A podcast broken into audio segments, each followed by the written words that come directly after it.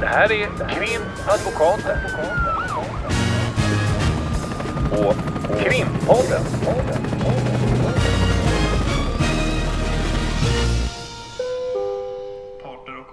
Kallas till sal 32. Det är ju sällan som en dom har blivit uppmärksammat så väldigt mycket som den här domen vi ska prata om idag. Mm. Eh, nämligen det målet som har kallats Nytorgsmannen-målet. De här det. våldtäkterna. Mm. Och det är ännu mera sällan som vi sitter i våran podd och pratar om mål som vi har varit inblandade i. Mm. Du kanske kan förklara varför vi idag ska göra det? Mm. Eh, för jag var ju målsägande beträde till en av målsägandena i det här målet. Ehm, och jag kan ju säga att jag har ju pratat en del också i media och, och så om det. Och anledningen till att man gör det, det har vi varit inne på tidigare här, men det är ju för att jag har fått godkännande av klienten, att min klient vill att jag eh, uttalar mig och att jag eh, förklarar. Eh, Min klient vill inte på något sätt själv medverka, men hon vill genom mig eh, förtydliga vad, hur det har upplevts och, eh, och nu då hur det upplevs när man får den här domen då som har kommit. Och då tänkte jag eh, eh, vara den som ställer frågor till dig utifrån att jag eh, i stort sett har bara hört om den, den här rättegången genom media. Och eh, jag har inte läst någon dom eller någonting sånt utan jag jag angriper problemet genom att vara ganska ovetande om själva målet. Eh, och då tänkte jag att vi, vi dels behöver reda ut eh, som hur, hur stort det här målet har varit på det viset. Hur många personer har varit inblandade och blivit utsatta för brott enligt åklagaren. Hur har det sett ut? Vad har man dömt till i slutändan? Vad har bevisningen räckt till? Mm. Eh, har det blivit några frikännande delar i det här? Det är bara en person det handlar om som har varit åtalad. Har det blivit frikännande delar? Har åklagaren yrkat på ett visst straff och det har landat på ett lägre straff? Ungefär lite så, som att jag inte eh, kan eh, den här eh, processen. Ja men precis, och man, man kanske ska säga det också att det var ju en, en, en utredning som också var uppmärksammad när den pågick i och med att det upptäcktes det här, den här Nytorgsmannen då som han ju började kallas ganska tidigt egentligen. På ett Varför börjar han kallas för det? Eh, därför att eh, det har skett på Nytorget, Okej. alltså själva adressen där.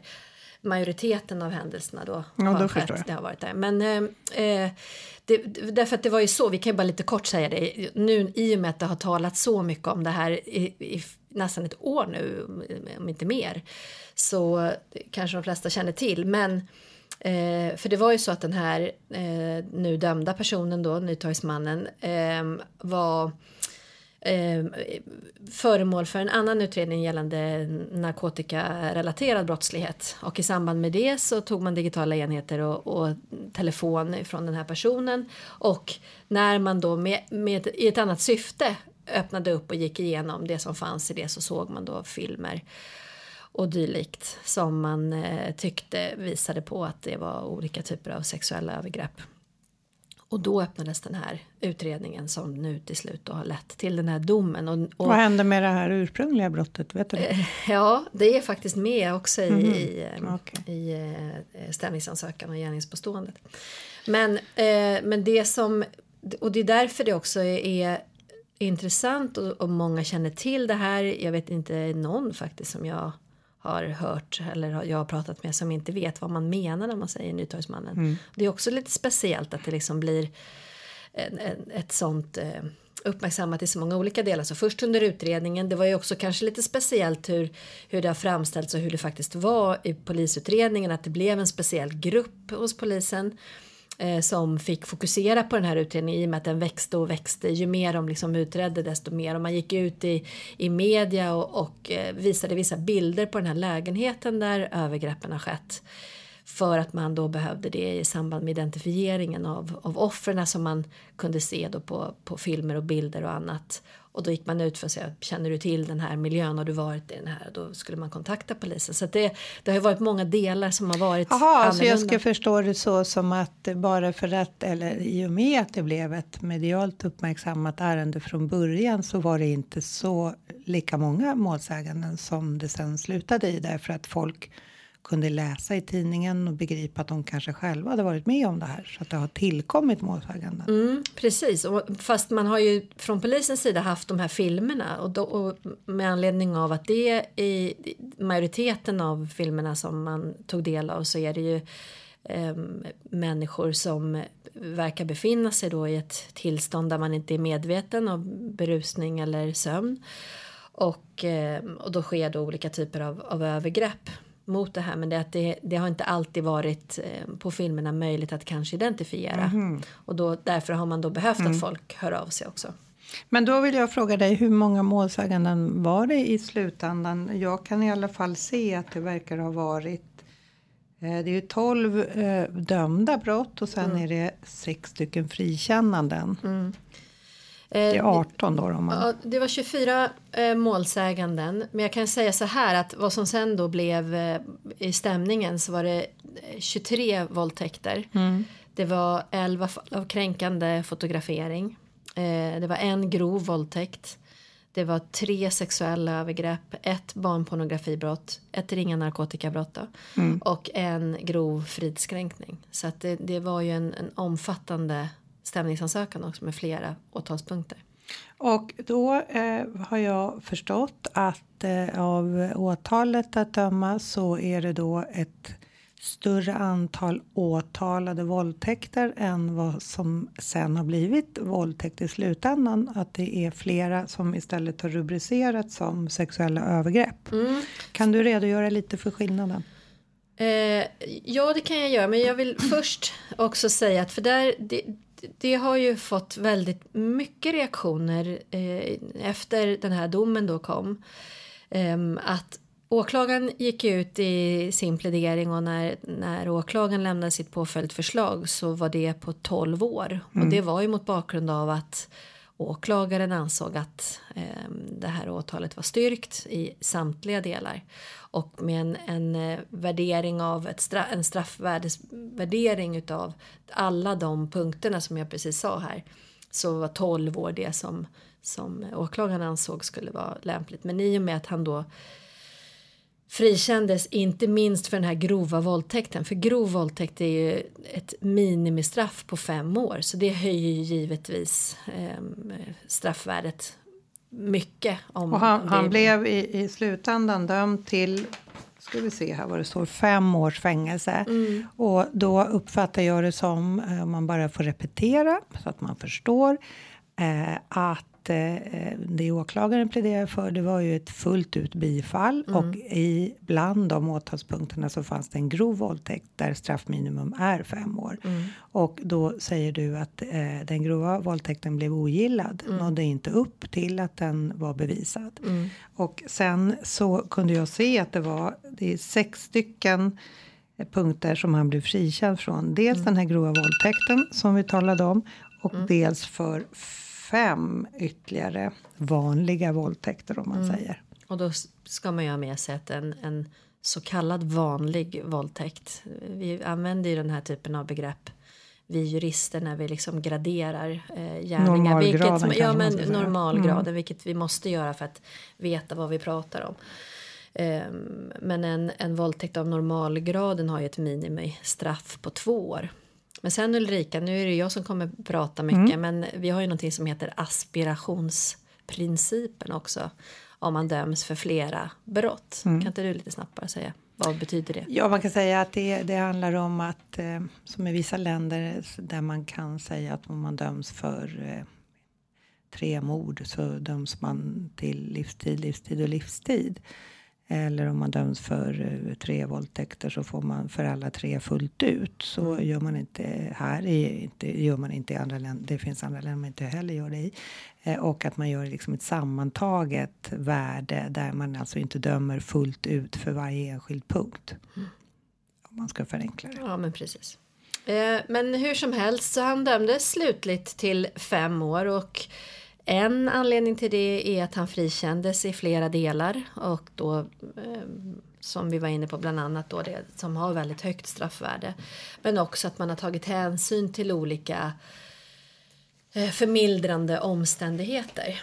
Ehm, men utifrån då målsägande beträdes perspektivet så kan jag ju bara generellt säga att eh, den här processen var ju speciell eh, i det hänseendet också, vilket gällde min klient, eh, att man först i samband med att polisen kontaktade för förhör när man då hade kunnat identifiera och lokalisera eh, Din klient? min klient så kontaktade man eh, den personen och eh, såg till att ordna med förhör, målsägande beträde och när det uppdagades för min klient vad, vad det här handlade om så var ju det, och det var en, en stund efter det då ska ha skett enligt eh, datumangivelse på filmupptagningar och så vidare så, så blev det en chock för att just vilket ju var i flera av de här fallen så, så eh, har man inte varit medveten om utan man har varit i, i ett tillstånd där man har sovit.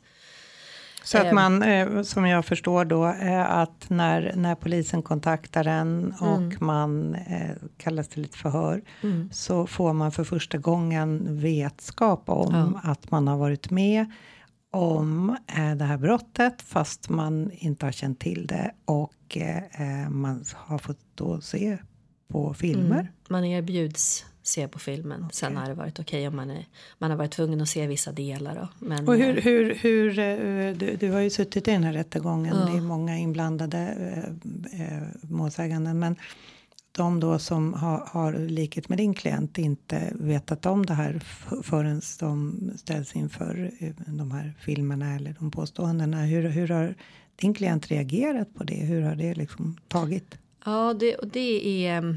Eh, det har varit traumatiskt, verkligen. Eh, därför att den här...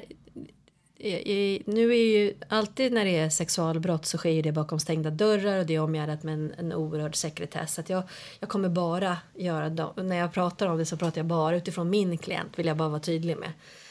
Ehm, och då är det så att den här eh, Nytorgsmannen då eh, är en person som eh, man har träffat ute på krogen. Eh, fått ett trevligt intryck Och det här av. framkommer av domen också. Ehm, och fått ett trevligt intryck av. Man eh, följer med hem ett större sällskap på, på en efterfest. Och har väldigt trevligt. Vaknar dagen därpå och tänker att ah, ja, men vi drack en hel del. Och, och sen så umgås man lite till. Tycker att det var väldigt trevligt eh, i hela sammanhanget. Ehm, och i min klients fall så har man också haft viss kontakt efteråt. Vilket också har uppfattats då från min klient som att det var väldigt trevligt och att det var en person som man ändå tyckte om och, och eh, hade roliga upplevelser med på andra sätt.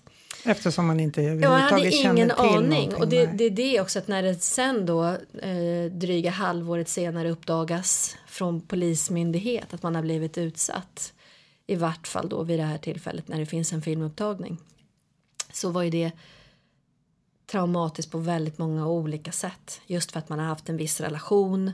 Eh, att man inte har känt till det. Att man inte har, så att det, det, och efter det ska sägas eh, så har det varit en, en, en, ett stort psykiskt lidande för att använda våra termer. Liksom. Men då Eh, tänker och jag att hantera också att ha varit i den situationen från början. Det är förenat med skam, Mm. skuld. Borde jag ha förstått någonting? Hur, hur kommer det sig att jag kunde eh, träffa den här personen efteråt? Även om man som när vi som står utanför tänker att men vad sjutton du, du var inte medveten. Skammen ska ju enbart vara på den som utsätter, inte den som utsätts. Men och det ser ju vi, eller hur? Att när det är eh, brottsoffer på det här sättet, när man har blivit utsatt så är det inte sällan man vänder emot sig själv. Och det är ju också traumatiserande. Och någonting som man jobba, får jobba med och som man får gå i samtal och prata för att för liksom att det inte skuldbelägga sig. Ja, det är som du säger i de allra flesta ärenden. Ja, det är de flesta. Det, det, det tycker jag det är så...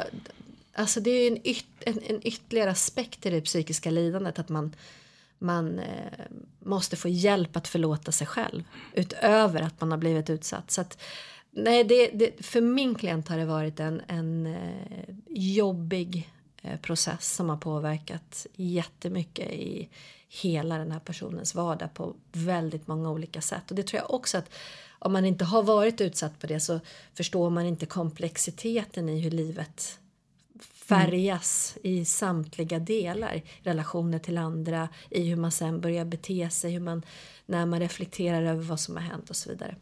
Men du, jag tänkte fråga dig, för att det är, det är ju, du företräder ju en klient som där åtalet gällde våldtäkt Mm. och sen så landade det då på sexuellt utnyttjande. Nej, sexuellt Förlåt, övergrepp. sexuellt övergrepp. Eh, eh, vad, är, vad är skillnaden däremellan och vad är det som domstolen inte har ansett att det har räckt till för våldtäkt som trots allt är ett allvarligare brott? Gällande min klient så är det ju fråga om då en, en filmupptagning ehm, och eh, åklagaren och jag eh, som vi bit, biträdde i åtalet eh, ansåg att man på filmen tydligt ser att det är fråga om penetration ehm, av fingrar som i det här fallet då. Eh, och då är det att jämföra med en sexuell handling som är våldtäkt och tingsrätten har gjort en bedömning att det inte entydigt framgår av filmen att det är så utan att det är en beröring. Och, då Och en blir det då kortvarig, eller? Ja, en kortvarig dessutom. Och då blir det då eh, sexuellt övergrepp som ju är en lägre form av, av, en, eh, av ett, ett sånt här övergrepp. Mm. Men eh, då, så som du beskrev att hur hon har reagerat, hur Mm. hon får jobba med, med, med alla de här delarna, att ha upptäckt någonting efterhand. Mm. Hur reagerade hon då på att det inte blev en fällande dom på våldtäkt utan med en annan rubricering? Har, har det påverkat? Har det, Mm. det ett inflytande över hen- hennes mående efter? Ja, ehm, och i den delen för att ehm, den här Nytorgsmannen eh, vidgick då eh, visst agerande och menade att det skulle vara fråga om ett sexuellt övergrepp i det här fallet. Eh, så att det och i och med att min klient var närvarande vid, vid förhandlingen så visste ju hon att det var så som, som, han, hade, som han hade beskrivit det.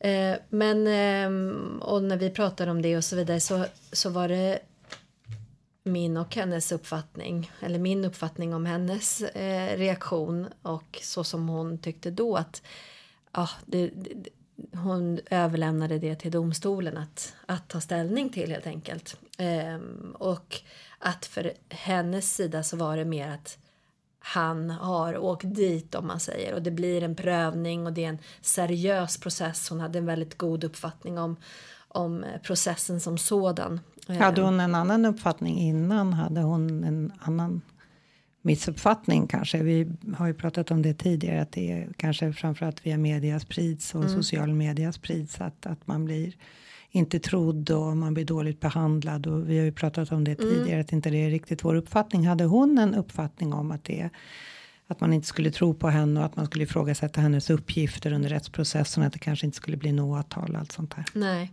inte alls. Utan hon,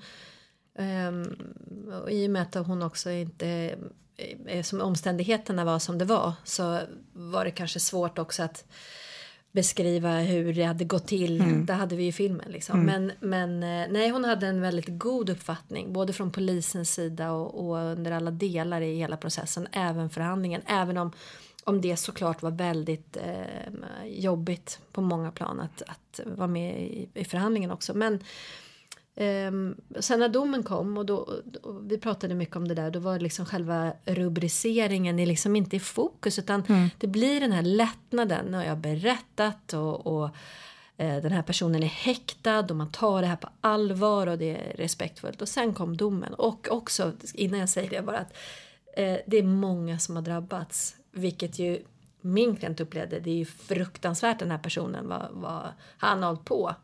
Men också någonstans, jag är inte ensam, utan vi är fler. Eh, men sen när domen kommer och eh, man då har hört åklagaren säga eh, 12 år, vilket vi har biträtt. Och sen när det blir fem år så, så var det en, en eh, kraftig reaktion över att men hur kan det bli så? Vi är ju så många som har drabbats, hur kan det bli så här lågt? Så det har vi ju pratat mycket om givetvis. Det där är ju, är ju, en, är ju lite en grannlaga uppgift som advokat när man ska förklara hur domstolen tekniskt sett har kommit fram till en helt annan påföljd än, än vad åklagaren har yrkat på. Då kan man ju också säga så här att det får vi väl säga i våra försvaruppdrag också att det är ju ganska ofta som åklagaren ligger lite högre än vad det kanske egentligen eh, kanske landar i och vi kanske då argumenterar för lite lägre än vad det kanske landar i i slutändan och så kanske man kan säga om man generaliserar och förenklar att det kanske hamnar mittemellan där någonstans. Men som försvarare eller också som målsägandebiträde så har man ju gjort någon sorts hypotetisk bedömning av vad det kan ligga emellan. Kan det, för att det, man kan ju aldrig veta hur mycket det är som blir ogillat innan när klienten frågar oavsett om man är försvarare eller målsägandebiträde. Och för målsägandena är det nog min erfarenhet att just själva påföljden inte, den, den har inte ett fokus förrän kanske senare då när man får del av domen. Eh, men i det här fallet då så har jag förstått att den här personen då han är eh, dels är han inte tidigare dömd Nej. och sen har jag också kunnat se att man har gjort en, en preliminär eh, psykiatrisk bedömning och han har inte, eh, man misstänkte inte att han led av en allvarlig psykisk störning vid de här gärningarna. Nej. Och vad, eh, när du har förklarat då för henne hur de har kommit fram till den här jämfört med åklagarens yrkande låga påföljden som hon blev besviken över. Hur, hur fick du? Nej, och då går man ju igenom i vilka punkter han har blivit frikänd och varför man har gjort då den här bedömningen att det ska rubriceras som en lägre form av övergrepp om man säger. Eh, Och varför det inte enligt domstolens sida har räckt upp till, till just våldtäkt. Eh, Och vad det betyder för, för straffvärdet och så vidare. Och då som du sa inledningsvis också att är det åtalat på grov våldtäkt, vilket faktiskt blev ogillat. Det blev ingen omrubricering utan som jag har kunnat förstå så blev den grova våldtäkten ogillad. Var det andra våldtäkter som var rubricerade som grova? Nej, Nej, men det var eh, en grov våldtäkt. och i och med Men ändå 23 Ja, våldtäkter. Liksom. men i och med att den våldtäkten försvann då Mm, utifrån eh, och, eh, domstolens bedömning så, så påverkar det ganska mycket. Ja, Men, visst. men jag kan förstå att, att eh, inte bara om man har suttit där och fått höra en, en, en helt annan, eh, ett helt annat påföljdsförslag från åklagaren så kan jag förstå att man tänker att det är en, det är en väldans massa sexuella brott som har skett. Eh, och om man blir dömd för en våldtäkt då är det straffminimum två år. Och nu har vi en, en väldans massa våldtäkter och andra sexuella eh, brott. Och ändå så landar det på fem. Lite som att det hade varit två och en halv våldtäkt om man får säga så. Ja, precis. Men så, och, och nu ska vi säga som vi var inne på inledningsvis där också att han frikändes ju från vissa våldtäkter men att också vissa omrubricerades. Så vad man då kan säga med straffvärde så är det ju så att våldtäkt som sagt har ett minimistraff på två år och man har då bedömt eh, det här med sexuellt övergrepp eh, från min eh, klients eh, i det fallet så jag har ett straffvärde på åtta månader. Mm. Så den skillnaden är också i bara det enskilda fallet. Liksom. Så att ehm, ja, nej det, det Ja, jag tycker man, man såklart har förståelse för det också när man, precis som du säger, när man, man förstår att det är väldigt många som har blivit drabbade och, och när det är den här utsattheten, vilket ju också såklart är, är försvårande. Eh, dessutom eh, eh, filmning när man inte är medveten, ju, den här kränkande fotograferingen och så vidare. Så att, ehm, ja. nej, Men det- vad, vad har hänt? Vet du det? Eh, Den här domen meddelades kan jag se här 4 november i år. För två veckor sedan. Mm. Eh, Vet vi om någonting om några överklaganden? Ja, det pågår diskussioner kring det. Okej. Bra, då ska jag inte eh, luska i vad de möjligen kan leda till utan i så fall kommer det in ett överklagande antingen från den tilltalade eller från någon eller flera av målsägandena så eh, kommer den här processen inte att vara över. Nej, utan då kommer det komma upp till hovrätten. eh, och så som det ser ut nu så måste ju vi då som eh, målsägandebiträden också argumentera särskilt för att man ska stanna kvar i, i hovrätten som biträde. Vad betyder det att man numera är bara målsägande beträde i tingsrätten? Precis, så som det var enligt den eh, gamla ordningen om man säger så var det självklart att man följde med upp i hovrätten med sin klient. Men nu måste man då yrka på, yrka på att bli förordnad. Och, och huvudregeln är att man inte har någon målsägande i hovrätten och skälen till det är ju bland annat att man har ju spelat in samtliga förhör i tingsrätten på ljud och bildfil och de spelas ju upp för hovrätten att, att gå igenom och titta på. Och då är ju inte målsäganden eh, kallad till domstolen heller och då har man ansett att åklagaren får eh, sköta målsägandens skadeståndsyrkanden. Man Och- får hjälp av åklagaren. Och i sexualmålen kanske framför allt så är ju skadestånden schabloniserade oftast eh, enligt ja, schabloner som Brottsoffermyndigheten och praxis då från Högsta domstolen och andra domstolar har utarbetat. Så att det är inte, det är sällan det är väldigt komplicerade skadestånd om man säger. Det är ganska förutsägbara skadestånd. Och då Men, kan man ju eh, också, eh, tänker jag, eh, man kan ju tycka att det är väldigt konstigt att man inte får ha ett målsägandebiträde i hovrätten. Men samtidigt om man som sagt inte blir kallad Mm. så då kanske man egentligen bara behöver få information om vad som händer. Mm. Och eh, då eh, är det ju i huvudsak då åklagaren som ska sköta det. Men som du säger, man kan också argumentera för att man ska kvarstå. Mm. Men sen är det också så att eh, blir det kompletterande förhör, att det är Mm. ny bevisning som läggs fram och det ska höras målsägande på nytt. Mm. Dels spela upp ljud och bildfilen från tingsrätten men också att det blir kompletterande frågor. Ja. Då förordnas det Då förordnas målsägande beträde även i hovrätten. Men sen får man ju se, eh, jag kan tänka mig i det här fallet också när det har omrubricerats och i vissa delar frikänts och eh, det som kommer med, med det här målet av vad gäller komplexitet, att det är så väldigt många Mm. också som är eh, drabbade så, så kanske det vore lite märkligt om det inte förordnas igen i, i hovrätten. Men vi får se. Mm. Och då kan man säga att sista ordet är inte sagt oavsett Ja, dels eh, i de frikännande delarna eh, om, han, om det klagas på det, dels om han klagar eh, och vi blir Mm. frikänd. Hade han inställningen att han förnekade samtliga de här brotten eller? Nej, de vidgick eh, vissa omständigheter men eh, just då kanske eh, jag kände sexuellt övergrepp när det var fråga om våldtäkt. Sen ska jag säga att i och med att det var så många inblandade och, och så pass omfattande mål så delades det- det här upp eh, så att målsägandena fick egna delar i, i, eh, av de här förhandlingsdagarna. Så att man var egentligen inte kallad i, i, övriga, i övrigas delar utan ut- såklart i de allmänna delarna. Men eh, Var det, mål, andra.